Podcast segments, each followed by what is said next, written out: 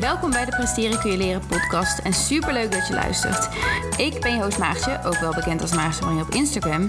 En ik ben sportfysiotherapeut, sportvoedingsconsulent, trainer, coach en schrijver. In deze podcast help ik jou met optimaal presteren. Of dat nu betekent dat je iedere dag met energie je bed uitstapt, je fit voelt of gaat knallen bij dat ene sportevenement, I've got you covered. Be ready voor alle informatie rondom sport, voeding, mindset, hormonen, ontspanning en lifestyle met een groen randje. Luister mee en laat je inspireren.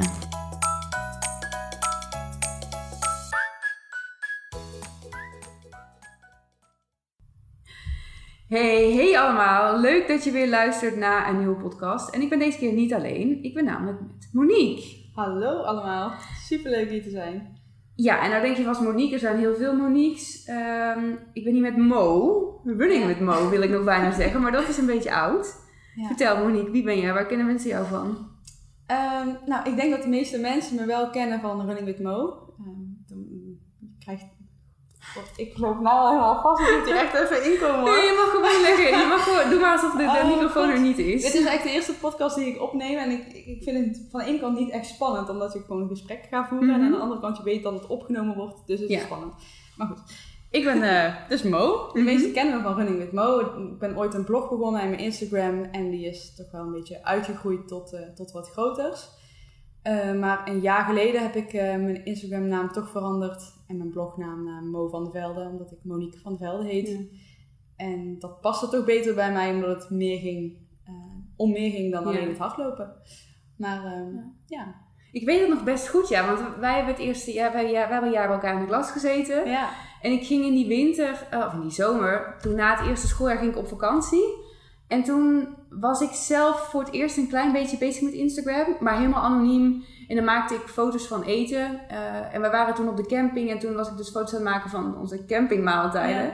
En toen was dat mijn vriend ook zei, wat ben je nou in hemelsnaam aan het doen? Waarom Ik zei, dat? ja, ik ga op Instagram een foto plaatsen. Hmm, maar wat moet je daar dan mee? Toen zei ik, ja, maar Ja. kijk, dit is Monique. Die heeft bij mij in de klas gezeten. Die heeft al, nou, volgens mij is het toen 4000 volgers Ja. of zo. Echt way back. Toen dacht ik, ja, er zijn, kijk, er zijn echt veel mensen actief op dit platform. Daar kon je kan toch niks niet bij voorstellen. delen. Ja, mensen vonden het toch interessant. Ja. Voor mij was Ja. het ook ooit, eh, ik, ik vond hardlopen leuk. Ik vond Mhm. dingen met voeding leuk. Ik denk, nou, ik wil het allemaal bij elkaar opschrijven. Ik begin een blog. Ik vond de website zo inrichten en maken leuk. Ja. Nou, ik ga wat meer posten op Instagram. Mijn hardloopschoenen en een paar tips. Ja, ook geen idee dat mensen dat leuk zouden vinden of zo.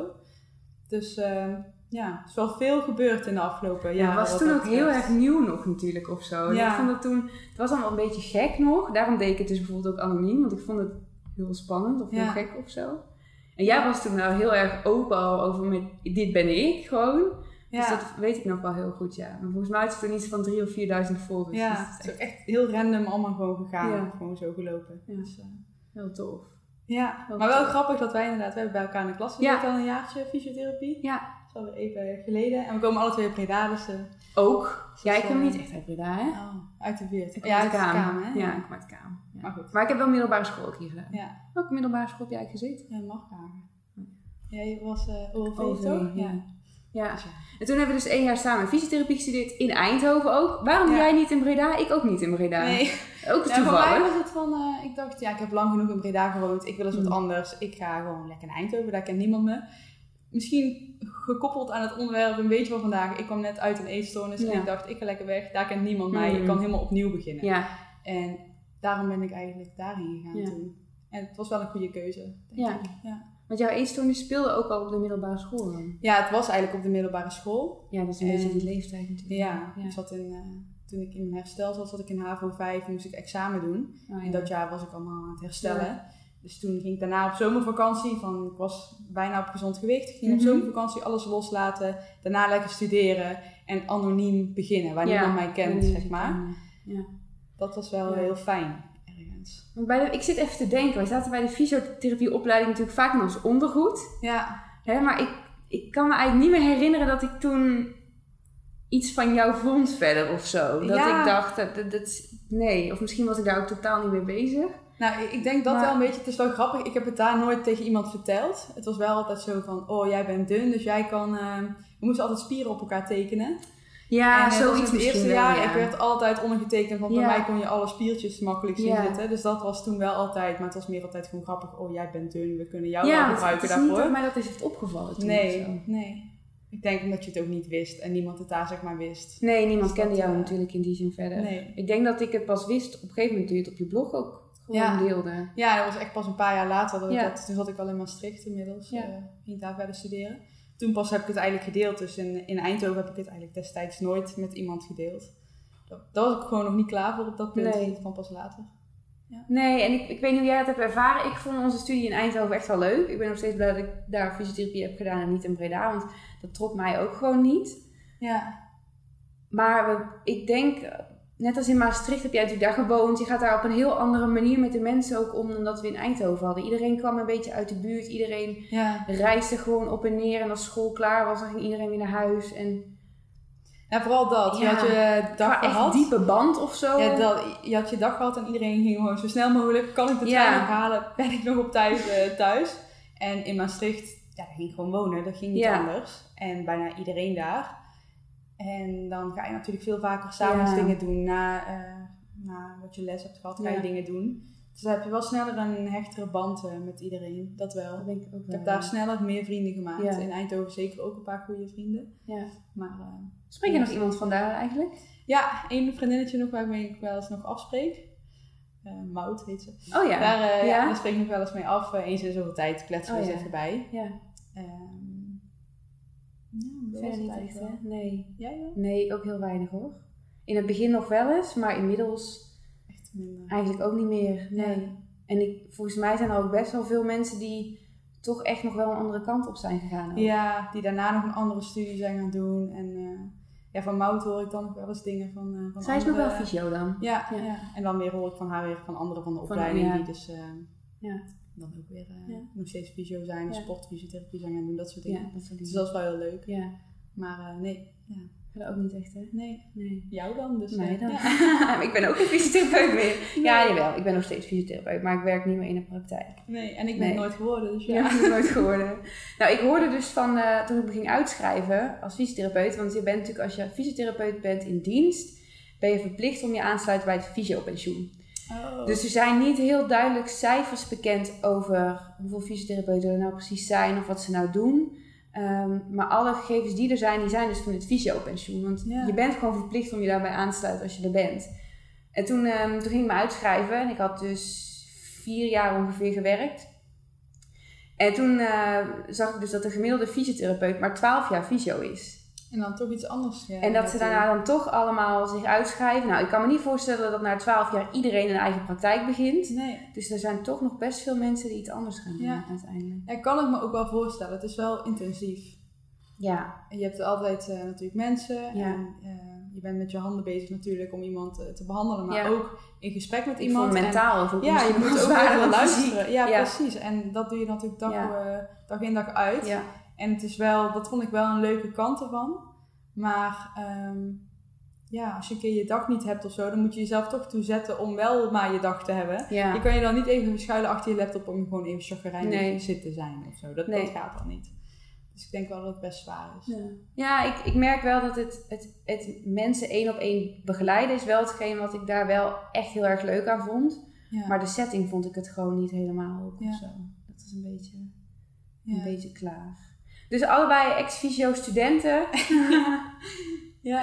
maar nu niet meer in de praktijk aan het werk. Nee, dat klopt. Nee. Nee. En goed, nou, we zien elkaar zo heel af en toe bij een evenementje of zo, maar verder hadden we niet echt contact. Tot na mijn eerste podcast dat jij me Mhm. eigenlijk een berichtje stuurde. Ehm, nou, iedereen die luistert, die heeft me vast al vaker horen zeggen hoeveel mensen wel niet een berichtje hebben gestuurd. Monique was er daar dus eentje van. En Ja. die zei eigenlijk van, hé, hey, ik herken best wel dingen in jouw verhaal. En dat is ook wel iets waar jij de laatste tijd zelf meer mee bezig bent gegaan, volgens mij, hè? Ja. Ja. ja, ik heb wel... ehm, eh, ik, ja, ik heb een verleden met, met voeding en eten. En, en nou, een heel, heel uitgebreid verhaal waar we vast zo eh, meer over te weten komen. Ja. Maar ehm, ja, het is voor mij een heel proces geweest. En ik ben in de jaren steeds meer achter bepaalde dingen gekomen. En ik vind het heel belangrijk dat over eetstoornissen of, of het lichamelijke vlak, dat daarover wordt gepraat. Ja. Dus ik ben daar zelf mee begonnen door blogs te schrijven. Ook eh, aan de hand daarvan krijg ik heel veel berichten. Mhm. En ehm, ja, schrijf ik daar steeds meer over. En voor mij is het echt, ik heb zo die behoefte om mensen duidelijk te maken van het kan ook anders. Je moet Ja. echt goed voor jezelf zorgen. En, en ik snap dat dat heel lastig is. Dus hoe doe je dat nou en wat is dat nou en hoe ziet dat eruit? En voor mij was het een hele zoektocht. En in die zoektocht eh, ben ik nu al best wel ver voor mijn gevoel. Ja. Ik heb vast nog heel veel te leren, maar Mhm. ik ben al redelijk ver. En als ik daar anderen mee zou kunnen helpen, dan zou ik dat gewoon heel graag doen. En mijn ehm, motivatie is ook wel echt om dat met zoveel mogelijk mensen te doen. Dus toen ik jouw podcast hoorde en jij praatte een beetje over dezelfde onderwerpen Ja. en je had zelf je eigen ervaringen, weer Mhm. net op een andere manier dan ik, Ja. dacht ik wel van ja, dit, dit is goed, zeg maar. En ehm, jij praat over een bepaald onderwerp waar ik ook over wil praten. Mhm. En dan kan je natuurlijk ieder apart over je onderwerp Ja. praten. Maar ik dacht, we moeten onze krachten Ja. bundelen, want samen bereiken we gewoon Mhm. meer dan, dan, dan alleen. En ik denk dat we samen meer mensen kunnen bereiken. En, en zo, ja, als iedereen er meer over kan praten of Ja. kan delen, dat, eh, dat we zo wel ergens komen. Dus ik vind dat daar zeker meer aandacht voor moet zijn. Mhm. voor, het, voor het hele onderwerp waar jouw eerste blog ook veel over ging. Ja. Dus dat probeer ik al eh, een tijdje te doen. En dat ga ik ook zeker nog meer doen.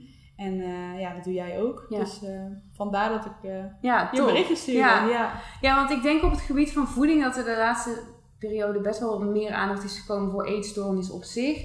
Misschien ook wel ehm, voor het feit dat dat mentaal echt een zware ziekte is waar je heel moeilijk van afkomt. Ik denk dat dat wel steeds meer besproken wordt. Maar wat het nou misschien nog met je lichaam zelf, puur fysiek zelfs nog kan doen, dat Ja. wordt soms nog niet echt besproken, denk ik. Ja, ja dat, dat is zeker een ding. Want voor mij, eh, nou, ik kan een klein beetje over mezelf Mhm. vertellen. Ik heb dan dus een eetstoornis gehad, maar dat is inmiddels alweer nou, bijna tien jaar geleden. En toen was ik weer genezen verklaard. Ja. Ik was op gezond gewicht, dus je wordt losgelaten van, nou, jij bent op gezond gewicht, jij bent weer genezen. Maar Ja. eigenlijk begon het toen pas, of ging het alleen maar verder. Want hoe doe je nou eigenlijk normaal? En ben ik wel echt genezen? Ja, En toen dacht ik in de jaren daarna van, nou, ik ben nog niet echt genezen, maar ik heb tijd nodig. En tot ik op een punt kwam dat ik dacht, ja, nu ben ik er wel echt klaar mee. Ik zie echt licht aan het einde van de tunnel. Ik weet dat het over kan gaan. En ik was heel positief. Mhm. Eh, en pas later kwam ik erachter dat ik nog steeds lichamelijke gevolgen had. En die had ik eigenlijk altijd, eh, die had ik, lichamelijke eh, klachten had ik, maar die had ik nooit gekoppeld aan dat het misschien wel de nasleep zou kunnen zijn van alles wat ik mijn lichaam ooit heb aangedaan, zeg maar, of wat ik heb ervaren. ja, En dat is iets van de laatste twee jaar dat ik daarachter ben gaan komen. Dat ik eindelijk verbanden ben gaan leggen tussen, oh, die klachten, die, die zijn niet zo random als dat ik Mm, dacht van... nee. Ik dacht altijd, nou, bijvoorbeeld een trage schildklier. Oh ja, nou, dus heb ik weer. ja. Of eh, geen menstruatie. Mhm. Nou ja, ja ik, had, ik heb er altijd misschien Wel wel wat problemen mee gehad. Mijn moeder had er ook wat last van. ja. Zal wel in de familie zitten. Ja. En zo waren er allemaal dingetjes. Mhm. Altijd extreem koud hebben of super moe Ja. zijn. En ik dacht allemaal van, nou ja, ik ben gewoon eh, een beetje een sukkeltje wat dat betreft. Tot ik erachter kwam van, eh, dat ik er steeds meer over ging lezen en er meer eh, in ging verdiepen. En dat het allemaal wel eens een bepaalde oorzaak zou kunnen hebben die in mijn verleden lag. Ja. En waar ik nooit echt, op dat gebied nooit heel hard aan heb gewerkt. Nee. Dus ik kon ineens kon ik alles een soort van in verband brengen met elkaar. En dacht ik, wow, ging echt een wereld voor me open. En ik dacht, die wereld moeten andere mensen ook zien. Ja, ja.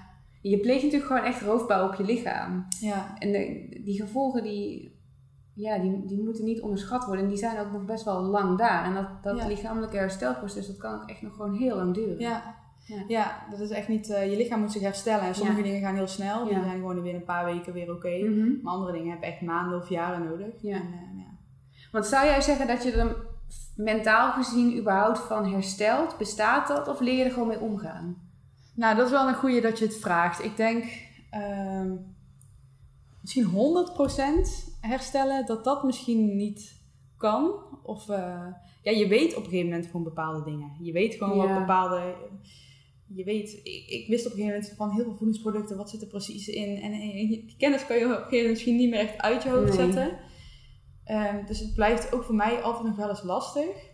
Maar ik geloof er wel in ja, dat je er inderdaad, je leert ermee omgaan. En Ja. ik kan het nu inzetten voor iets positiefs. Al die, die kennis, die kan ik nu bijvoorbeeld gebruiken om misschien andere mensen te helpen. Ja. Of eh, kan ik nu, heb ik nu gestopt in een vervolgopleiding doen en nog meer op voeding en prestatie te gaan Ja. zitten.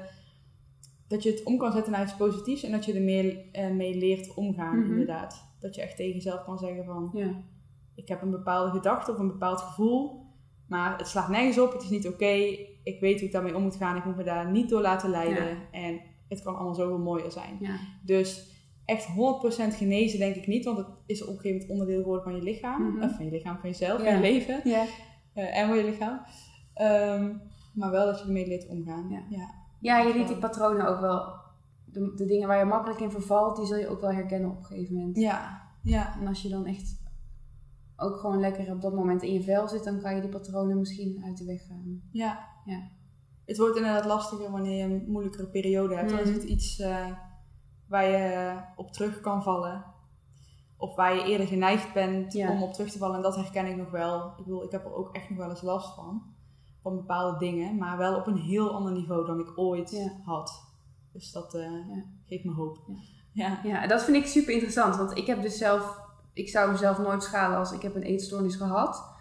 Ehm, en in die zin eh, kan ik me dus nu ook niet goed voorstellen hoe dat voor jou moet zijn als dat je hele soort van onbewust in je achterhoofd toch nog ergens zit. ja. Omdat ik, omdat ik niet het idee heb dat ik dat bijvoorbeeld zelf nog heb. Of ik kan het heel goed negeren. Dat zou ook nog Nou kunnen. ja, wat je eigenlijk een beetje vertelde in je podcast. Je, Ja. je herkende bepaalde dingen. En je dacht toen wel van, oh, dit is niet goed. Hier Mhm. moet ik wat aan gaan doen. Ja. Dus ik ga het zo en zo aanpakken. En dan ga je dat vervolgens wel proberen of doen. Terwijl ik herkende op een gegeven moment ook bepaalde dingen. En ik dacht, dit is niet goed. Hier moet ik wat aan gaan doen. Ja. En vervolgens was het van, ja, hoe moet ik dat doen? Wil ik dat wel doen? Eh, en houd iets je tegen. Ja. Want je vindt het ook spannend om, eh, ja, iedereen vindt het waarschijnlijk niet leuk of eng om aan te komen. Maar Nee. het was een soort van extra Ja. je kan niet gelijk eh, naar je verstand luisteren, want je gevoel zit soms te veel in de weg nog. Dat stemmetje in mijn hoofd, dat zit dan nog te veel in de weg en dat maakt het dan heel lastig. Dat, ehm, ja, dat is elke keer een, duiveltje en Ja. een engeltje die heel tijd botsen tegen Ja. elkaar van... eh, Ja, en dat denk ik dus dat, dat als je dat eenmaal echt zo hebt gehad, dat het nooit inderdaad 100% meer uit je hoofd gaat. Of zo. ja. Nou, maar goed, als je sterk nog, genoeg bent, dat je dat wel gewoon, dat je hem altijd kan verslaan, dat duiveltje. Nou, precies. Ik Ja. kan nu wel mijn verstand de baas laten zijn Ja. over dat eh, Ja. het vervelende stemmetje, zeg Ja. maar. Dat lukt nu gewoon best wel goed. En Ja. dan zeg ik gewoon eh, tegen mezelf, Mo, stel je niet zo aan en doe gewoon normaal. En ehm, het helpt om er met je omgeving over te Ja. praten. Dus ik weet ook van, stel, ik ga raar doen. Mhm. Raar als in, ik ga ineens minder eten of zo, Ja. of weet ik het wat. Ehm, ik weet dat ik eh, een vriend heb die dan moet zeggen van, eh, doe eens normaal, waar ben je mee bezig? Ja. En dat stelt me wel gerust, want je hoeft het niet altijd zelf door te hebben. Maar dat, iemand, eh. Nee. dat je omgeving, ja, die kent je. En Ja. die, zou, die zouden niet hun mond houden. Dus dat, dat vind ik een fijn idee. Van, zien zij het misgaan, dan zullen ze heus iets zeggen. Zou dat maar. zeggen? Ja. Want heb jij een idee hoe het bij jou ooit begonnen is? Of daar een Ehm, duidelijk punt is voor geweest? Of is het gewoon langzaam? Nou, het begint wel langzaam, maar ik weet nu ik terugkijk wel hoe het is begonnen. Ik eh, zat in VWO 4 en toen zat ik met heel veel vrienden, ging allemaal leuke dingen doen. Eh, in de pauzes gingen we naar de supermarkt en dan haalden we zo'n zakken chips en Ja. koekjes en eten, eten. Dat zei jij ook volgens mij. Ja. Dus je helemaal vol eten en je merkt ook niet heel veel effect, want je bent ook best wel jong en je bent actief. Ik sport ook, ik, ik Mhm. hockeyde, dus ik, eh ik Oh ja. hockeyde gewoon drie keer in de week, vier Mhm. keer soms, zoiets. Eh, allemaal heel leuk en gezellig. En toen besloot ik naar de HAVO te gaan, want ik wilde fysiotherapie doen. En ik dacht, ja, ik kan betere punten halen, dus ik ging naar de HAVO. Oh, je kom je beter uit die lotingsklasse. was ja, dan nog, precies. Ja, ja, want het maakt gewoon dus niet uit. Zes op VWO, eh, eh, Nee. acht op de HAVO. Het- Nou, het maakt er niet Gelukkig uit. Dus ik dacht, omgegooid. Precies. Dus ik dacht, ik ga lekker naar de HAVO. Maar ja, het gevolg was, ik, kwam, ik moest een jaar over doen. Want je moet, kan, je moet dan Oh. weer naar 4 HAVO. Terwijl ik wel eigenlijk Ja? over was naar 5 VWO. Oh. Ja, omdat ze dan met bepaalde toetsen die je dan Ja, hebt qua gehad. eindexamentoets en zo. Maar ik dacht, nou, dat is niet erg. Dan herhaal ik nog wat dingen. Kan geen kwaad.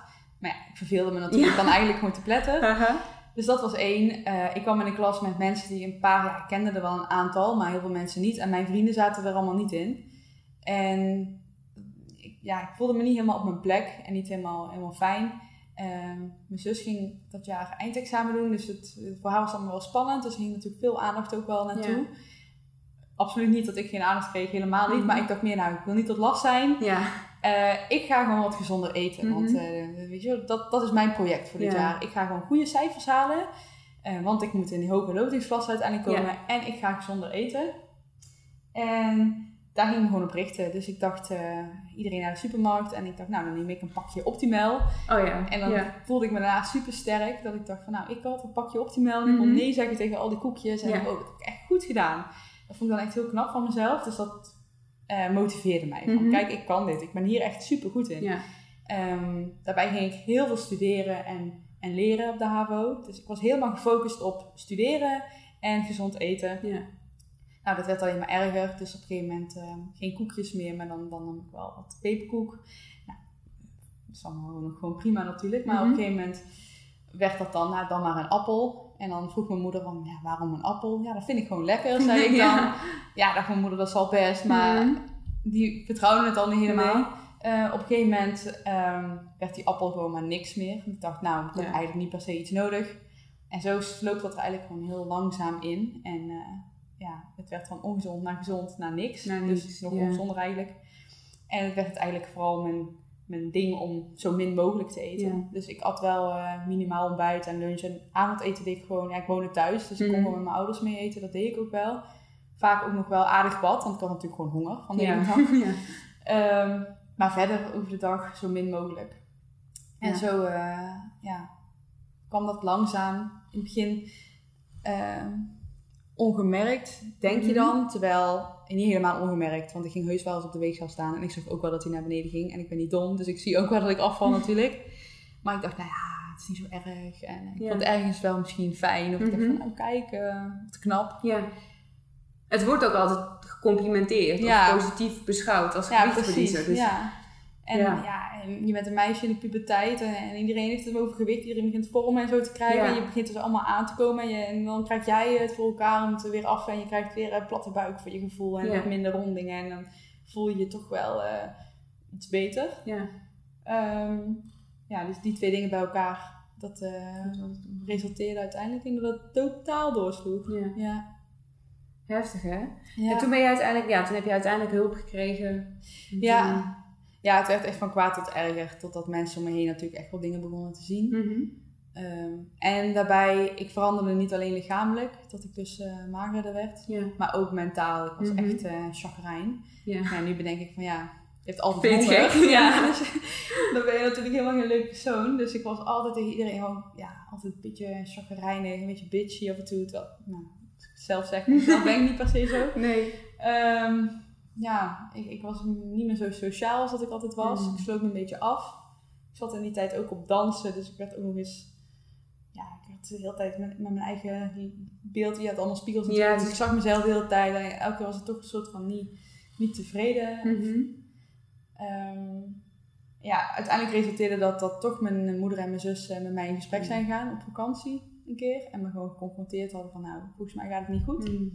En ehm, ja, dat, dat gaf ik op dat punt eindelijk toe. Dat was in 2010. Dat ik dat eindelijk toegaf van nee, het gaat eigenlijk helemaal niet goed. En toen durfde ik ervoor uit te komen van nee, ik voel me echt verschrikkelijk. En eh, heel veel zitten huilen. Ja. Eh, en toen besloot ik eigenlijk om hulp, eh, hulp te gaan zoeken.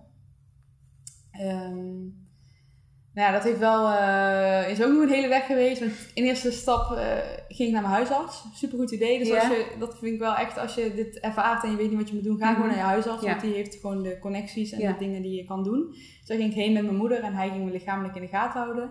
En toen werd ik gekoppeld aan een diëtist. Maar dat was een hele goede diëtist waarschijnlijk, maar wel iemand die gewoon vooral te maken had met mensen die wilden eh, afvallen. Ja, Dus die ging mij natuurlijk precies vertellen van nou, je zou eh, zoveel boterham moeten eten. Ja. Dat wist ik zelf natuurlijk eigenlijk Ja. ook allemaal wel, maar het punt was dat ik dat niet deed. Dus toen werd, ja, het half jaar daarna werd het alleen, eigenlijk alleen nog maar erger. Mm. Dus ik ging alleen nog maar in een dieper dal. Eh, tot een keer de biologielerares tegen mij eens een keer wat zei van nou, je krijgt allemaal haartjes op je gezicht. En ik dacht, Oh, ja. haartjes op je gezicht? Wat zeg je nu? Uh-huh. En eh, ja, je bent wel heel dun en volgens mij heb je anorexia. En toen dacht ik, anorexia helemaal niet, want ik vind mezelf helemaal niet dik. Want ik zag ook wel dat ik dun was. Ja. Dat heb ik helemaal niet. En eh, nou ja, ik, ik wilde me een beetje van afsluiten. Mhm. Maar uiteindelijk ga je wel verder nadenken. En toen, toen was het voor mij wel duidelijk van oké, het gaat echt niet goed. En toen was ik weer bij de huisarts en die zei op een gegeven moment van ja, je bent allemaal spierweefsel aan het afbreken. Ja. Eh, je hebt gewoon geen vetten meer. Je hebt geen, eh, of ja, je hebt nog wel wat vet, maar niet veel meer. Mm. Koolhydraatvoorraden zijn er ook allemaal niet. Dus je lichaam is aan het overleven op je spierweefsel. En eh, ja, dat kan niet lang meer goed gaan. Nee. Dus toen kwam echt het hele proces in, in gang. Dus ik moest naar een gespecialiseerde diëtist, ehm, naar een psycholoog en naar de kinderarts, omdat ik nog net onder de 18 Oh, was. ja. Ik was, was net, ja, ik was net, ja, ik was 17, 17, 18, zoiets. ja. Ik werd 18, op Mhm. een dieptepunt, zeg maar. En eh, ja, dat, dat heeft pas eh, echt een verandering gebracht, uiteindelijk, voor mij. Dus, ehm, Ja. ja. En nu ben je toch best wel weer fit geworden. Dus het kan wel. Ja, Dat dat kan wel. Ja, het was een hele moeilijke weg. Ehm, die diëtist was vooral heel streng voor mij. En Mhm. eh, ik heb wel meerdere malen heel hard zitten huilen. Maar die eh, nam geen genoegen met... eh, ja, ik heb echt mijn best gedaan. Dan was ik zo van, ja, Nee. nou, blijkbaar niet. En die zei op een gegeven moment ook van... Ja, ga het maar gewoon niet meer sporten. Want ik sportte Ja. echt heel veel op dat punt. Dat bleef je toen ook nog gewoon Ja, doen. ja, en dan eh, moest ik van haar meer eten. Nou, dat Ja. moeite had ik dan een boterham met pindakaas extra. Mhm. Maar daarna ging ik vervolgens weer een half uur langer op de Ja. fiets zitten of zo. Dus eh ze sloeg natuurlijk nergens op. Dus zij zei van, ja, je gaat, of nu, je gaat nu gewoon stoppen met sporten. Je gaat dit en dit eten. En als je dat niet doet, dan lig je in het ziekenhuis. Kan je eindexamens niet doen. Krijg je Ja. een slangetje in je arm. Want op dat punt was Krijg je gewoon bijvoeding. Ja, en, ja, want- en toen dacht ik van, ja, ik heb geen slangetje in mijn arm. Dan wil Nee. ik niet meer eten als ik dan toch moet kiezen. Ja. Ehm, dus toen ben ik eigenlijk in een korte tijd wel opgekrabbeld. Dat ik eh, in een half jaar tijd denk ik wel echt veel ben aangekomen eigenlijk. Een kilo of tien of zo denk ik. Dus ik was de hele dag aan het eten, dat Ja. weet ik nog. Ik zat ook de hele dag vol. Maar ja, Mhm. ik dacht ik moet dit doen. Ja. Ehm, achteraf denk ik, het was ook puur een controle ding. Want ik kreeg het schema van haar en ik hield me er precies aan. Maar het was geen gram meer en geen gram Nee. minder. Dus ze had het slim aangepakt om hem weer gezond te krijgen. Maar het probleem loste zich niet Nee. helemaal op daarmee. Ehm, nou ja, en toen was ik dus wel weer op gewicht en ging ik dus op vakantie. En dacht ik, ik laat alles losgaan. Ik ga lekker studeren in Eindhoven. Mhm. Niemand kent mij. En dan komt het allemaal wel weer goed. Ja. En dat, eh, dat was het idee. En dat is een mooi plan. Maar eh, nee, zo werkt het niet. Nee. Nee, het is echt niet in een jaartje weer over. Nee, je moet eraan blijven werken. Ja. ja. En als je dan, nou, mentaal is het natuurlijk gewoon een hele lastige situatie. Fysiek ze- zei je al, eh, nou ja, je hele metabolisme wordt lager, want Ja. je hebt gewoon weinig wat erin komt. Geen menstruatie meer, haartjes op je gezicht. Ja, Andere dingen had je dat nog? Ja, vermoeidheid natuurlijk, Ja. heel duidelijk. nou ja, op, op, ja toen, tijdens die eetstoornis had ik natuurlijk allerlei hele vage Ja, klachten. Dan kan je gewoon, ja, misschien. dat was echt een ramp. Maar voor mij is het eigenlijk erom gaan draaien wat, ik dan, wat er daarna allemaal is gebeurd. Mhm. Ehm, toen ik weer genezen was van mijn eetstoornis, sportte ik ook niet superveel. Ik ging op dansen, dus ik danste twee keer in de week deed ik moderne, moderne Oh ja. dansen. Dus dat was nog redelijk rustig. Wel, eh, met sp- met spieren en lenigheid, maar niet conditioneel zoals ik nu aan hardlopen doe, zeg Nee. maar. En ik liep denk ik één, één keer in de week hard of zo. Dat was het. Eh, toen ging ik naar Maastricht verhuizen en daar wilde ik niet weer op dansen. Dus toen ben ik eigenlijk begonnen met hardlopen, wat meer daar weer. Eh, tijdens mijn eetstoornis deed ik dat dus wel hardlopen, maar daarna toen ik niet meer mocht sporten heb ik dat allemaal niet meer gedaan. Nee. Dus dat ben ik toen pas in Maastricht weer begonnen. Gewoon van dan doe ik in ieder geval iets. En toen liep ik denk ik drie keer in de week, vijf kilometer. Soms een keer een acht, heel soms een tien in het Oh, weekend. En dat ja. was het ook echt. Ehm, en pas daarna begon ik dan ook weer meer eh, te sporten. En stopte ik met de pil. Want ik was eigenlijk altijd ook Oh, aan ja. de pil. Dus Ja. ik had nooit gemerkt dat ik niet Dat ongesteld was. ongesteld Nee. Op een gegeven moment stopte ik aan de pil. Omdat ik me daar niet meer goed bij voelde Mhm. ook. Ik had ook een hele zware pil. En eh, eh, mentaal voelde ik me daar helemaal niet goed Mm. bij. Dus daar stopte ik mee. Dat is echt de beste keuze die ik ooit heb Ja. gemaakt. Ik wil niet meteen iedereen. maar eh, mentaal gezien was het ook... Ja, ik ben zo anders geworden daarna Mhm. weer. Zoveel meer mezelf voor gevoel. Ja. Ehm, maar ja, ik werd niet meer ongesteld. En toen duurde dat een paar maanden. En dacht ik van... nou, Het heeft gewoon tijd nodig Ja. om te herstellen. Ja, toen duurde het een half jaar. dacht ik... Hmm, ik weet het Nu, eigenlijk nu niet. is de tijd wel voorbij. Ja, precies. Dus eh, naar de huisarts. En die zei ook van ja, dit is iets te lang. Dus ik werd inderdaad ook doorgestuurd naar eh, specialisten. Mhm. Nou, verder was alles oké, dus het, het moest iets anders zijn. Ja. En toen werden mijn hormonen geprikt en was dat dus allemaal heel laag. Ja. En was het dus op dat punt ook van, ja, je hormonen zijn heel laag. Het is niet supergoed, maar ja, je wil op dit moment toch geen kinderen. Nee. Dus als je ooit kinderen wil, dan moet je maar wat minder sporten, een beetje aankomen en Ja. dan komt het wel goed. Dus ik dacht, nou ja, oké dan, het zal wel. ja. Laat maar, prima dan. Helemaal niet aan gedacht hoe slecht het eigenlijk voor je Nee. kan zijn. Maar het wordt je ook niet verteld, hè? Nee, ik denk dat zij Dus- ook niet helemaal daarop gericht Nee, waren. denk, nee, ik weet nee, eigenlijk ook niet. misschien. Nee, maar ik weet dat van mezelf ook nog wel. Je kan wel het gevoel hebben dat het niet klopt. Maar als de mensen die daar echt voor zijn zeggen dat het oké is, Ja. ja. wat moet je dan als meisje Ja. van, eh, van 18, 19? Ja. Ja. precies. Ja, ik, ik dacht op dat punt ook van nee, ik wil inderdaad geen kinderen nu. Nee, ja, nou, ja. oké. Ehm, ja, het, ja, het scheelt natuurlijk ook gedoe. Je wordt niet ongesteld. Nou, Nee. wel lekker. Ja. Mijn Vriendinnen werden bijna jaloers. Ja. Maar eh, nou ja, dat, dat speelde dus een tijdje. En, en later ging ik meer hardlopen.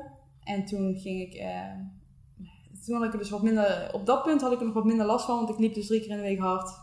En niet op zo'n dadig hoog niveau dat ik, eh, dat ik van alles ervaarde of wat Nee. dan ook. Dus ik werd niet ongesteld, ja. En ik was al redelijk vaak wel moe. Vriendinnen Mhm. zeiden ook wel dat ik er moe uitzag op een foto.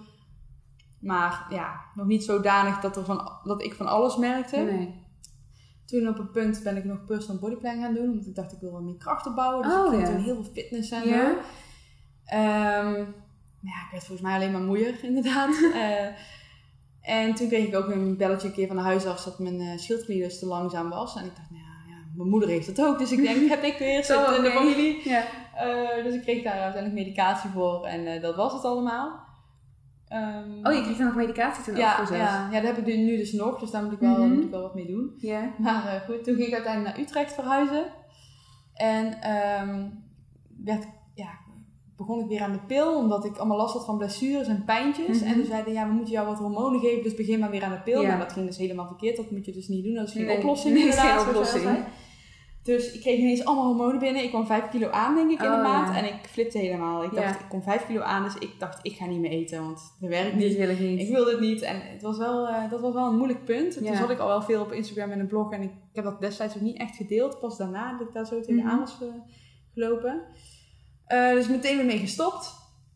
Ja, toen kwam ik in Utrecht en toen ben ik eigenlijk pas echt meer gaan lopen. En toen ervaarde ik uiteindelijk ook de meeste problemen. Want die schildklier die, die, die kwam maar niet echt op orde.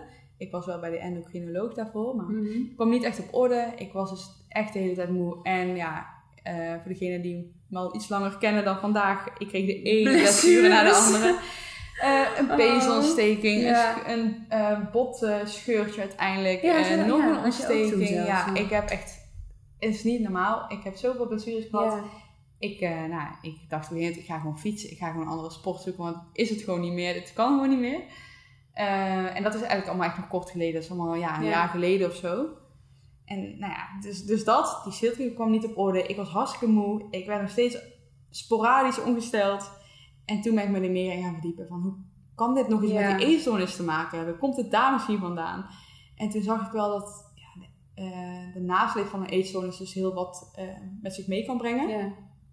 Maar ja, dat moet zich ook allemaal herstellen. En ik dacht, ik herstel ook niet. Nee. En eh, niet van die, van, van die klachten van de eetstoornis, maar ook inderdaad van sporten niet. Mhm. Ik had dagen spierpijn, dat soort dingen allemaal.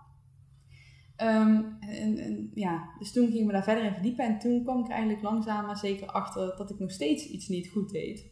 Dat het dus niet was dat ik niet herstelde van die eetstoornis of van die gevolgen daarvan. Maar dat ik gewoon altijd nog veel te weinig Nog at. steeds te weinig at. Ja. Ja.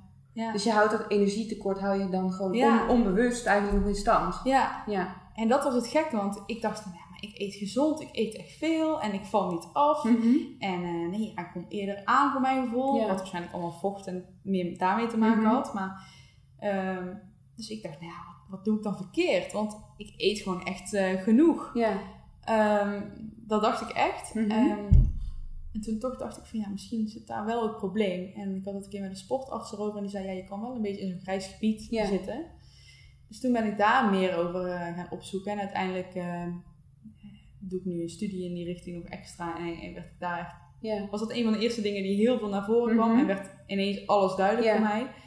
Dat je inderdaad in een bepaald grijs gebied kan zitten.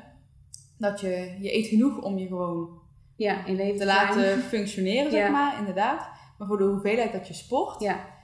is het gewoon niet genoeg. Nee. Nee. Dus ja, wat ze zeggen, 2000 eh, calorieën voor iemand die Ja. gewoon normaal... Dat vond ik altijd al veel. Ik dacht, nou, 2000 is wel veel. Ik zat altijd maar op eh 1600 of Ja. zo, of 1800. En nu denk ik, hoe dan? Hoe dan? gedaan? Ja, ik vraag me dat soms aan mezelf Ja. ook af. Ja. Maar dat vond ik ook lastig, omdat je... Ik bedoel, ik wist toen niks over gezond eten. Eh, ik was gewoon heel veel aan het wielrennen en ik dacht... Ik ben een sporter, dus ik moet gezond eten, want ik wil beter kunnen sporten. Ja. Ik had, een, ik had ook nooit een probleem met hoe ik er zelf uitzag of wat dan ook. Uiteindelijk werd ik lichter in gewicht en dacht ik, oh, dat is gunstig voor het sporten, daar ben ik wel blij Ja. mee. Ja, ook dat. dat is Maar ding. ik heb er nooit bewust mee bezig geweest. Maar ik heb wel ge- gekeken van... Ik ging kijken, hoe kan ik nou gezond eten? En eh, het enige wat ik zag was, was voorbeelden van anderen. Maar niemand is hetzelfde. En ik, ik sportte toen zoveel. Ja. Daar kan je geen voorbeeld aan nemen. En inderdaad, ik dacht dat ik super goed bezig was. Want ik at super gezond. Ik at nog steeds meer dan de gemiddelde persoon om me heen. Maar voor mij was dat gewoon te weinig. Ja. Ja, precies dat. Je gaat je vergelijken met je omgeving. En ik, ik heb dan bijvoorbeeld eh, een zus. Dus ik denk, nou, wat zij doet zal wel normaal zijn. Ja. Ik iets meer, want ik sport misschien nog wat meer. Maar je gaat kijken naar vrienden. eh, je gaat kijken naar iedereen om je heen. Ja. En dan denk je, nou, ik eet hartstikke veel. Ja, in vergelijking als ik met hen. Als ik met vriendinnen inderdaad ging eten, dan voelde ik me echt een vreedzak soms. Maar ik denk, ja, ik sport veel. Maar alsnog bleek het dus gewoon veel te te weinig. te zijn. Ja. Dus toen ben ik dat wel echt bewust gaan ophogen, maar met name eh, koolhydraten. Want ik merkte, en nog steeds vind ik dat redelijk lastig. Mhm. Ik ben het dus wel een keer gaan bijhouden en ik weet nu wel wat ik aan voedingswaarde nodig heb. En ik merkte dat ik daar heel moeilijk aan kwam. Dat ik dan eh, in mijn eiwitten nog best hoog zat en zo. Dat is allemaal wel prima, maar ik heb gewoon koolhydraten nodig. Want ik, ja, ik loop nu lopen inmiddels dus vijf, ja. zes keer in de week. Eh, ik maak meer kilometers dan ik ooit heb gedaan. En ik eet koolhydraten alsof ik niet zoveel doe. En ehm, nou, toen kwam ik er steeds meer achter dat dat ook een hele grote invloed heeft op blessures. En eigenlijk alles wat ik, wat ik had, zeg maar. Ehm, dus toen ben ik daar heel bewust op gaan richten. Van ik moet gewoon meer koolhydraten. Dus Ja. ehm, op dat punt ben ik naar mijn verstand gaan luisteren. Want dan vind ik het mentaal dus nog wel eens lastig. Ja. En ik denk, ja, moet ik nou nog meer eten? ja, Daar maar het zit er aan. zo En, ehm, gewoon maatschappelijk ingeprent Ja, ook, dat hè, ook. op een gegeven moment. Ja, en daarbij, ik heb, ik heb gewoon echt een gezond gewicht nu, weet je wel. Ik krijg nog steeds echt wel eens opmerkingen hoor, dat ik eh, dunner uitzie of wat dan ook. Mhm. Maar ik weet voor mezelf, ik heb echt een gezond gewicht nu. Ja. En is allemaal prima, dus ik, ik voel me ook goed in dit gewicht. Eh, ik heb dit gewicht ook altijd wel gehad, ook voordat Ja. ik die eetstoornis had en zo. Mhm. Dus dit past zeg maar bij mij. Ja. Dus dat is, eh, dat is gewoon goed. Ehm, dus je wil ook gewoon niet aankomen, zeg maar. Je gaat, Nee. dus dat maakt het wel lastig. Maar ik denk, ja, wil ik echt uittesten of dit het probleem is en of dit mij verder kan helpen, dan moet ik het gewoon Ja. proberen om toch meer te eten. Dus eh, ja, extra schep havermout, eh, extra boterhammen. Ik wil, ja, nu kijk ik terug denk ik, ja, hoe heb ik ooit zo lang kunnen overleven op twee boterhammen als Ja. nu zijn het er vier of zo. Hoe dan? Ja. Precies. Ik at bijna nooit tussendoortjes en nu eh, wel. En dan probeer ik met name koolhydraten eigenlijk te Ja. eten, vooral op dagen dat ik dan train. Ja. Eh, ook s'avonds veel meer koolhydraten te eten. Eh, en het is heel tegenstrijdig met wat je allemaal hoort. Mhm. Van koolhydraatarm dieet, beperk op je koolhydraat, dit en dat. Dat is misschien voor sommige mensen handig ehm, als je niet veel sport. Maar als je zoveel Als je sport, de hele dag stil zit. eh, net als jij en net als ik en als heel veel mensen tegenwoordig ook wel, dan heb je die echt nodig. Ja. En je functioneert gewoon daarop. Dus daarop bezuinigen Ja. is wat mij betreft het domste wat je dan kan nee. doen. Nee. Dus ehm, ja, tenzij je echt een probleem, een probleem hebt, natuurlijk dat je er niet tegen kan of zo, dat ik dat even Ja. voorop stellen. Maar ik heb er geen problemen mee, dus ik dacht ik moet gewoon dat meer gaan eten. En nou ja, eh, ik kan nu zeggen dat ik al eh, ja, een half jaar denk ik, iets, ja, denk ongeveer een half jaar eh ongesteld word weer. Ja. Ehm, nog niet altijd even elke keer op een timing. Ik ben een beetje aan het uitzoeken wat mijn patroon daarin is. Want dat Ja. is ook voor iedereen anders. Als het niet elke vier weken is, betekent niet dat het gelijk Dat slecht is. Het kan ook is. langer duren. Dus daar moest ik even een beetje, daar ben ik nog steeds mee bezig om daarachter Ja. te komen wat dat dan voor mij is. Maar ja, ik, ik heb echt dingen ervaren nu inmiddels. Ik word dus weer ongesteld. Ik ben echt een heel stuk minder moe. Nou, dat kan ook nog met lactose te maken hebben. Ik Mhm. bleek dus een intolerantie te hebben. Dus Oh, echt? dat, eh, Oh, ja, ik elke avond bakken Oh, die kwam jij ook had, ja. En uiteindelijk bleek ik Heel je intolerant. inderdaad, Ja, dus eh. uiteindelijk besef ik nu ook waar... Dat heeft er natuurlijk ook mee te maken Ja. gehad. Dat je dan ook minder energie opneemt. Ja. En dat het heel veel energie kost. Ja. Dus daar ging natuurlijk ook een deel aan verloren. Ehm, dus daar kwam ik ook gelukkig een jaar geleden achter. Dus dat heb ik dan aangepast. Ehm, nou, ik ben wel dus meer gaan eten. Ja. Eh, ik ben veel minder moe. Ik heb veel meer energie. En dat hoor ik ook wel echt van mijn vrienden. Ik zit er niet altijd meer bij als een zombie. Maar eh, Ja. ik eh, heb energie. Ik slaap veel beter. Ja. Het heeft heel veel invloed op Mhm. mijn slaap ook. Ik lag heel veel te woelen. Ik was altijd wakker. Ja. Ik, ik slaap dus echt veel beter. Eh, beharing lijkt ook wat minder. Ja, het is niet zo'n manste onderwerp Nee, heel goed. Ik herken, ja, nee. Ik, Het is wel zo. Ja. Ehm, dus dat zijn allemaal, ja, en het minder leuke, maar tevens het fijne ding. Ik, ik, had, ik was nooit zo emotioneel. Ik had niet zo super veel emoties. Wat eh, mannen vaak fijn vonden. Dat mijn vriend ook zei, nou ja, jij maakt nooit echt Nee. een probleem van. En dat is heel fijn. En, eh, maar ja, ik had eerlijk gezegd ook niet zoveel last van die mood swings en zo. Nee. Want ja, ik werd ook allemaal niet ongesteld. Dus ik Ja. had die hormonen ook gewoon niet Nee. zoveel. En ik merk wel dat ik dat nu eh, weer iets meer krijg. Dus Ja. dat ik af en toe wel ineens uh, chagrijnig kan zijn om niks Ja. of zo. Of dat, eh, en ehm, ik vind dat dus eh, fantastisch als ik dat nu heb. Ja. Of als ik dan nu ineens zeg, ik moet echt chocola hebben. Dat ik denk, wow, ik voel Ja. het weer. Dat ik gewoon me echt vrouwelijk weer in mijn voel. En dat, ja, het is heel vervelend en zo fijn tegelijk. Ja, want het helpt je ook heel erg om je patroon überhaupt weer helder te krijgen. Op, welke week heb je nou dat soort symptomen? Kan je natuurlijk goed in de gaten houden. Ja, Plus je kan inderdaad denken van, hé, ik ben altijd een beetje vlak, dus ik ben nooit chagrijnig. Maar je mist ook gewoon dat hele blije, supersterke gevoel of Ja. zo. Dat heb je ook niet. Ja. Dus het is een beetje schommelen dan van, ja, oké, maar... beetje afgevlakt Ja. of zo. En ehm, het is heel fijn om niet allemaal moedswings te hebben. eh, echt absoluut. Maar af en toe wel gewoon een beetje die, die, die dingen ervaren die veel vrouwen ervaren. Is ook wel eens dat is fijn. ook wel Want fijn. ik dacht wel af en toe van, ja, nou, ben ik dan zo anders of ja, zo? ben ik nog wel normaal? Ja. Ja, Dus dat, eh, nee, er is wel echt een wereld voor me open gegaan. ja. En nu, ik hou mijn vingers gekruist, dat kunnen jullie allemaal niet zien, maar dat wel. Ik, eh, ik loop echt meer kilometers dan ooit. Blessures En goed, eh, hè? tot nu toe, Ja. klopt het is af en overal, maar heb ik eh, geen blessures meer. Ik let wel heel goed op en ik, ik heb gisteren bijvoorbeeld een langere duurloop gedaan. En heb ik ook echt daarna bijna alleen maar koolhydraten zitten eten de hele dag. En ook vandaag heb ik meer honger en dan geef ik daar wel gewoon echt aan Ja. toe. Ehm, ja, gaat het tot nu toe dus heel goed. Met eh, geen Ja. bles- niet echt meer blessures eh, gehad te hebben. Dus Nee. dat motiveert enorm om Ja. zo door te gaan. Ja. Dat, eh, dat vooral. Ja. Nou ja, en de kans is natuurlijk ook wel groot dat naarmate je meer blijft eten, dat je, je god, ik vind soms vind ik Nederlandse woorden moeilijk. Je, dat is le- echt- je lean mass, hoe noem je dat in het Eh, Nederlands? vetvrije massa. Vetvrije massa, ja, oké. Dat je die zo meteen weer meer gaat opbouwen. Dus dat Ja. je wel daadwerkelijk sterker gaat worden. En dat, Ja. dat kan niet op het moment dat je jezelf zo'n groot energietekort aan het Nee. voorhouden bent. Nee, klopt. Om iets op te bouwen heb je natuurlijk toch energie nodig. Ja, En je kan niet opbouwen uit niks. uit niks. Dus Nee. je, ehm, natuurlijk komt er altijd een beetje vet bij dan. Je kan echt niet puur en alleen eh, vetvrije massa op gaan bouwen. Ja. Maar Nou, ik denk dat je best ver kunt komen als je, als je gewoon lekker doorgaat zoals Ja, je doorgaat. en het geleidelijk laat gaan natuurlijk. Ja. Kijk, als je echt vol eh, gaat bulken. Ja, dat hoeft nou ook weer niet. Nee, nee, Dan, dat eh, nou ook maar- weer niet. Nee, maar als je het gewoon geleidelijk laat gaan Ja. en het proces gewoon laat gaan, Ja. dan denk ik ook dat je lichaam zich ook wel gaat aanpassen Ja. naar wat voor jouw sport Gewoon op een is. natuurlijke manier ook. Ja, ja. En ehm, dan ja, zal hopelijk bij mij wat meer eh, been, bil en eh core spieren zijn. Ehm, die heb ik gewoon nodig. Dus dan, als ik dan maar voldoende eet en ik blijf lekker sporten, dan heb het ik daar wel vertrouwen in dat dat Ja. vanzelf weer gewoon zo Ja. zich aan gaat passen. En dat ik alleen maar beter word eigenlijk. En supergoed natuurlijk, want als je zoveel kilometers maakt, bij kilometers maken is een kans op een stressfactuur natuurlijk altijd aanwezig. Maar op het moment dat je natuurlijk zo weinig energie hebt en je, je lichaam zelf ook gewoon zeg maar nog energie wil vrijmaken uit de botten, hè, dus dat het Mhm. gaat demineraliseren, Ja. is de kans op een stressfactuur nog veel groter. Ja. Dus dat je daar nu nog niet, ondanks al die kilometers mee te maken hebt, is natuurlijk Ja. ook wel gewoon top. Ja, precies. En je hormonen spelen natuurlijk een hele belangrijke Ja. rol. Ehm, dus het feit dat die zich weer ook aan het herstellen zijn, speelt Ja. gewoon mee op mijn botgezondheid. En dat maakt de kans op een stressfactuur natuurlijk kleiner Ja. uiteindelijk.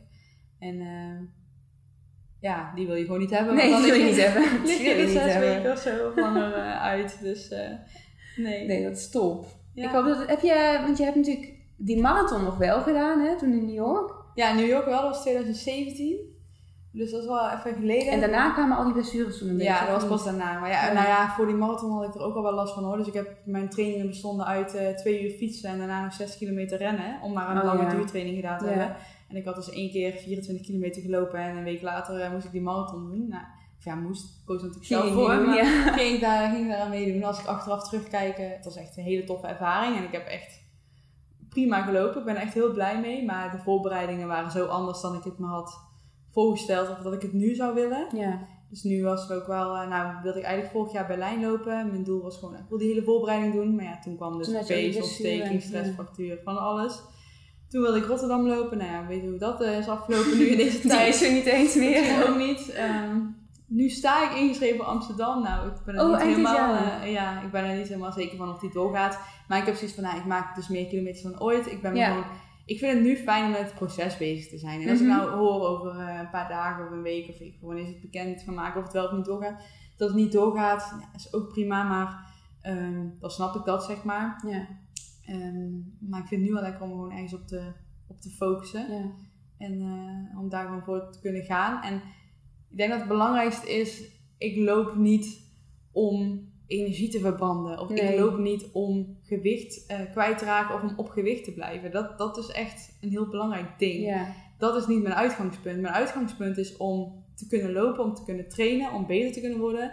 Om een marathon te kunnen lopen, om, om misschien sneller te worden. Ik heb gewoon bepaalde doelen en Ja. uitdagingen in het lopen gevonden. Die komen ook voort, omdat je het leuk vindt. Ja, precies. En niet omdat je het gevoel dat je het moet doen om eten te verdienen of zo. Ja, nou precies dat. En om dan die doelen waar te kunnen maken, of om dat plezier, plezier te kunnen blijven houden, is het belangrijk dat ik kan blijven lopen. Ja, En daarvoor moet ik gewoon eten. ja. En dat is me nu eindelijk duidelijk geworden. Ja. Van ja, zonder eten houd het een keer op. Nee.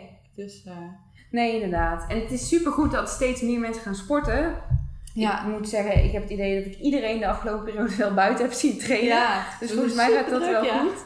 Maar daar is natuurlijk wel ook het risico dat mensen niet beseffen dat ze dan ja, de rest van hun levensstijl daar ook een beetje op moeten gaan aanpassen. Ja. ja, en het is vooral bij vrouwen natuurlijk wel een Ja. dingetje. Bij vrouwen komt het wel gewoon meer voor. Mhm.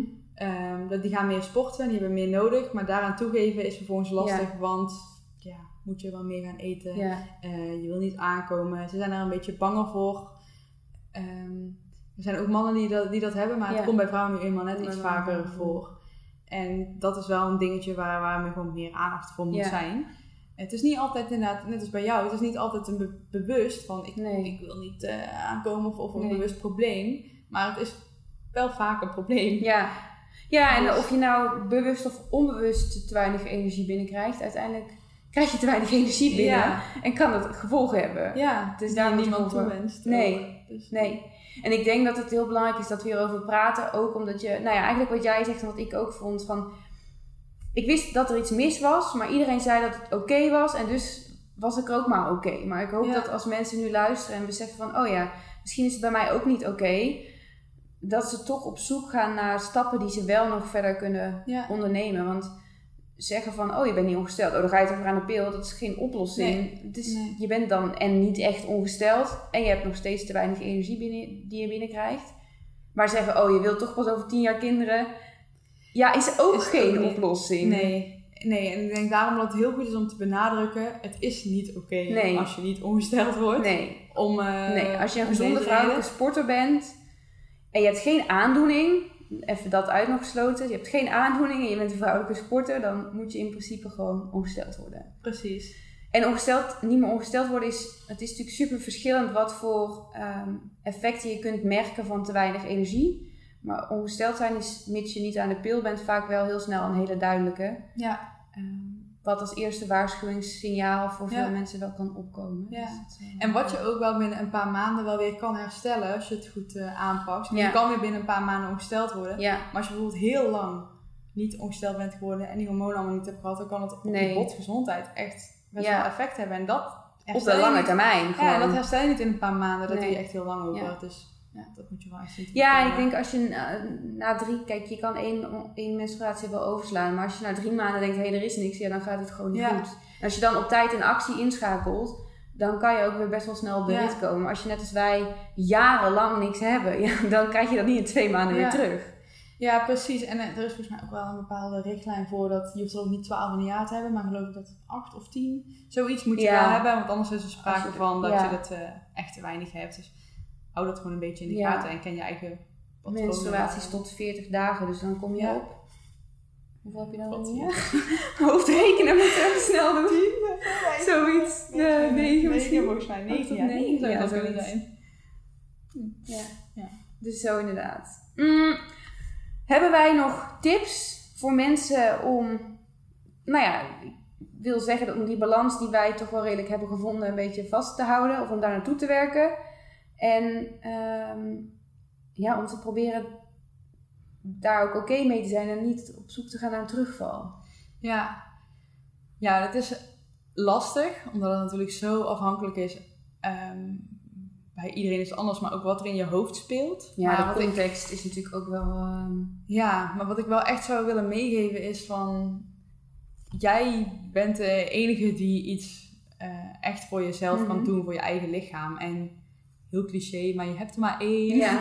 Maar zorg Wees daar er gewoon, ja, maar zorg daar gewoon echt goed voor. Ja. En als je het gevoel hebt dat er iets niet oké is, kijk dan echt of je, of je durft, ja, toon een beetje de ballen om gewoon eens Ja. te proberen van, oké, wat, test het een beetje uit. Wat doet het met mij als ik wel eens misschien iets meer ga proberen te eten? Wat meer Ja. koolhydraten bijvoorbeeld ga eten.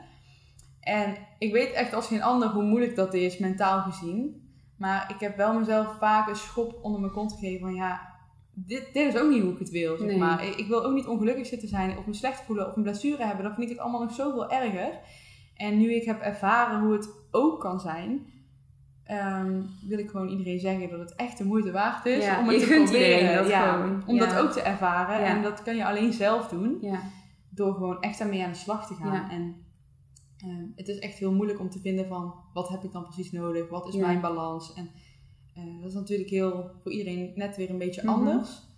Maar ja, be- begin er gewoon eens mee om het, om het wat op te hogen en Ja. om gewoon naar je lichaam te luisteren en eraan toe te geven van heb ik misschien gewoon trek of Ja. honger. En, heb, en ook goed na te denken, heb ik eh, flink intensief getraind, heb je daarna Mhm. misschien geen honger, maar je hebt juist niet. wel Soms zie je dat mensen meer gaan sporten dat ze juist minder honger krijgen. Omdat die hormonen daar ook eh, van in raken, zeg maar. Maar Dus dan is je dan, niet eens meer een heel goed signaal nee. van jezelf. En ik denk op dat moment moet je dus een beetje naar je verstand luisteren. Dus je moet een beetje combineren. Eh, na het sporten eet gewoon zo snel mogelijk wat. Ja, Vooral koolhydraten en een beetje combineren met eiwit maakt het nog beter, zeg maar. En. Maar eet gewoon zo snel mogelijk wat, ook al heb je geen honger. En anders drink je maar een glas siroop, dan, dan heb je dat heb je krijg misschien wat makkelijker energie weg. Ja. Ja. maar dat soort dingen zijn, heb ik ook echt nog wel eens moeite mee. Ja. Dat ik denk, ja, maar ik ga ook een uur lunchen, dus waarom zou ik nu een banaan eten?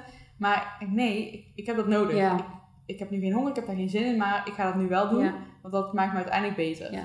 En durf die stapjes te zetten. Ja, je mag in die zin ook best wel wat streng zijn. Ik merk dat inderdaad ook voor Ja. mezelf. Dat dat wel gewoon is van... eh, Oké, ik heb thuis, ben thuis. Hm, Ga ik nou eerst dan anderhalf uur lang douchen, me klaarmaken, dit doen, dat doen, dit doen? Nee, oké. Even drie minuten uitzweten. En Ja. dan ga ik gewoon alvast even wat eten. Ja. En dan ga ik daarna wel douchen. Dat Ja. is wel inderdaad... eh, Precies. En als het je allemaal niet lukt, dan zoek ook gewoon hulp. Ja, zeker. Dan, eh, Dan, eh, ja, je hoeft het ook niet allemaal alleen te doen als het je niet lukt in je eentje. dat vind ik een heel belangrijke boodschap Ja. inderdaad. Je hoeft het niet alleen te doen. Het lukt ook niet altijd alleen. Nee. Er zijn zat mensen die je kunnen helpen. Nou, wij dus al, Ja. denk ik, alle twee. Ehm, en, en zoek daar gewoon hulp voor als je er echt niet uitkomt. Het is echt te zonde om... Ja, en praat er sowieso al met iemand eerst over. Ja, Het hoeft niet, je hoeft het niet in je eentje te, te dragen. Ja. ja, Oké. helemaal mee eens. Begint er net iets te piepen hier. Een Ja. vrachtwagen die achteruit rijdt. Hadden we volgens mij best mooi stilgehouden, maar nu... Geen eh, kinderen die... eh, nee, geen, geen, Geen. Gedoe. Ja. Oh. Heb jij nog iets wat je absoluut kwijt wil? Ehm, nou ja, wat ik, wat ik dus op het hart wilde drukken is van, eh, van, van doe er iets mee en Ja. zorg gewoon voor jezelf. Dus Ja. ik heb het net denk ik wel echt duidelijk gemaakt. Ja. Ehm, ja en hou het allemaal ook een beetje leuk, weet je wel. We hoeven niet allemaal eh, eh, zes, zeven keer in de week te sporten. hè. Doe Nee. gewoon vooral wat je leuk vindt. Als je Ja. er goed bij voelt, moet je het zeker doen. Ja. Zorg dan ook dat je jezelf goed voelt. Maar eh, doe je het omdat je het gevoel hebt dat het moet? Nee, het moet helemaal Nee. niet. Ehm, ja, dus, dus doe het alleen als je er ook echt van geniet. Van het vele sporten. En zorg gewoon goed voor jezelf met voeding. Pas je voeding daarop aan. Ja. Wees niet bang. het gevoel dat je moet sporten. Niet vanuit anderen, omdat het van je wordt verwacht. Maar ook vooral niet vanuit jezelf, omdat je het gevoel hebt dat je iets aan het Ja. compenseren moet zijn. Ja. Ja, let daar gewoon een beetje op. Dat je niet doorslaat. Ja. Waar, eh, waar kunnen mensen jou vinden? Ehm, nou, op Instagram tegenwoordig eh, niet meer onder Running with Mo, Nee. maar Mo van de Velde. Ja. Eh, en zo heet mijn blog ook. Website ook, ja. Of ja, mijn website is Ja. inderdaad ook zo. Ehm, dus als je daarop eh, zoekt, dan eh, zie je het vanzelf wel. Vooral op die kanalen ben ik inderdaad eh, het meest, meest actief. Eigenlijk. Ja. Top. Ja, Heel veel succes. ja dankjewel. Gaat vast goed komen. Ja, We zijn lekker op weg, denk ik. ik denk het ook. Ik denk dat we alle twee Ja. een mooi doel hebben om dit bespreekbaar te maken. Dus Gaat jullie moeten ook allemaal de podcast blijven luisteren. Ja. Ik denk dat het heel, heel, heel veel inzichten geeft. Ja. En ik vind het super goed dat je dat doet. En ehm, ja, ik wil jou ook heel erg bedanken dat ik hier eh, mocht zijn Bedankt vandaag. voor je komst. Ja. Van je oude, eh, vertrouwde Ja, Breda. precies. Ik moet eigenlijk nog even een rondje lopen door Breda zo meteen natuurlijk. Ja. Dus eh, het is toch een fijne stad. Ja. Ja. Bedankt allemaal voor het luisteren en ehm, tot een volgende keer. Ik hoop dat je dit weer een leuke aflevering vond en heel erg bedankt voor het luisteren. Wil je meer weten over coaching, mijn boek, lekkere recepten uitproberen of blogs lezen? Kijk dan op www.maartjemaria.com of volg me op Instagram Maria. Tot de volgende keer!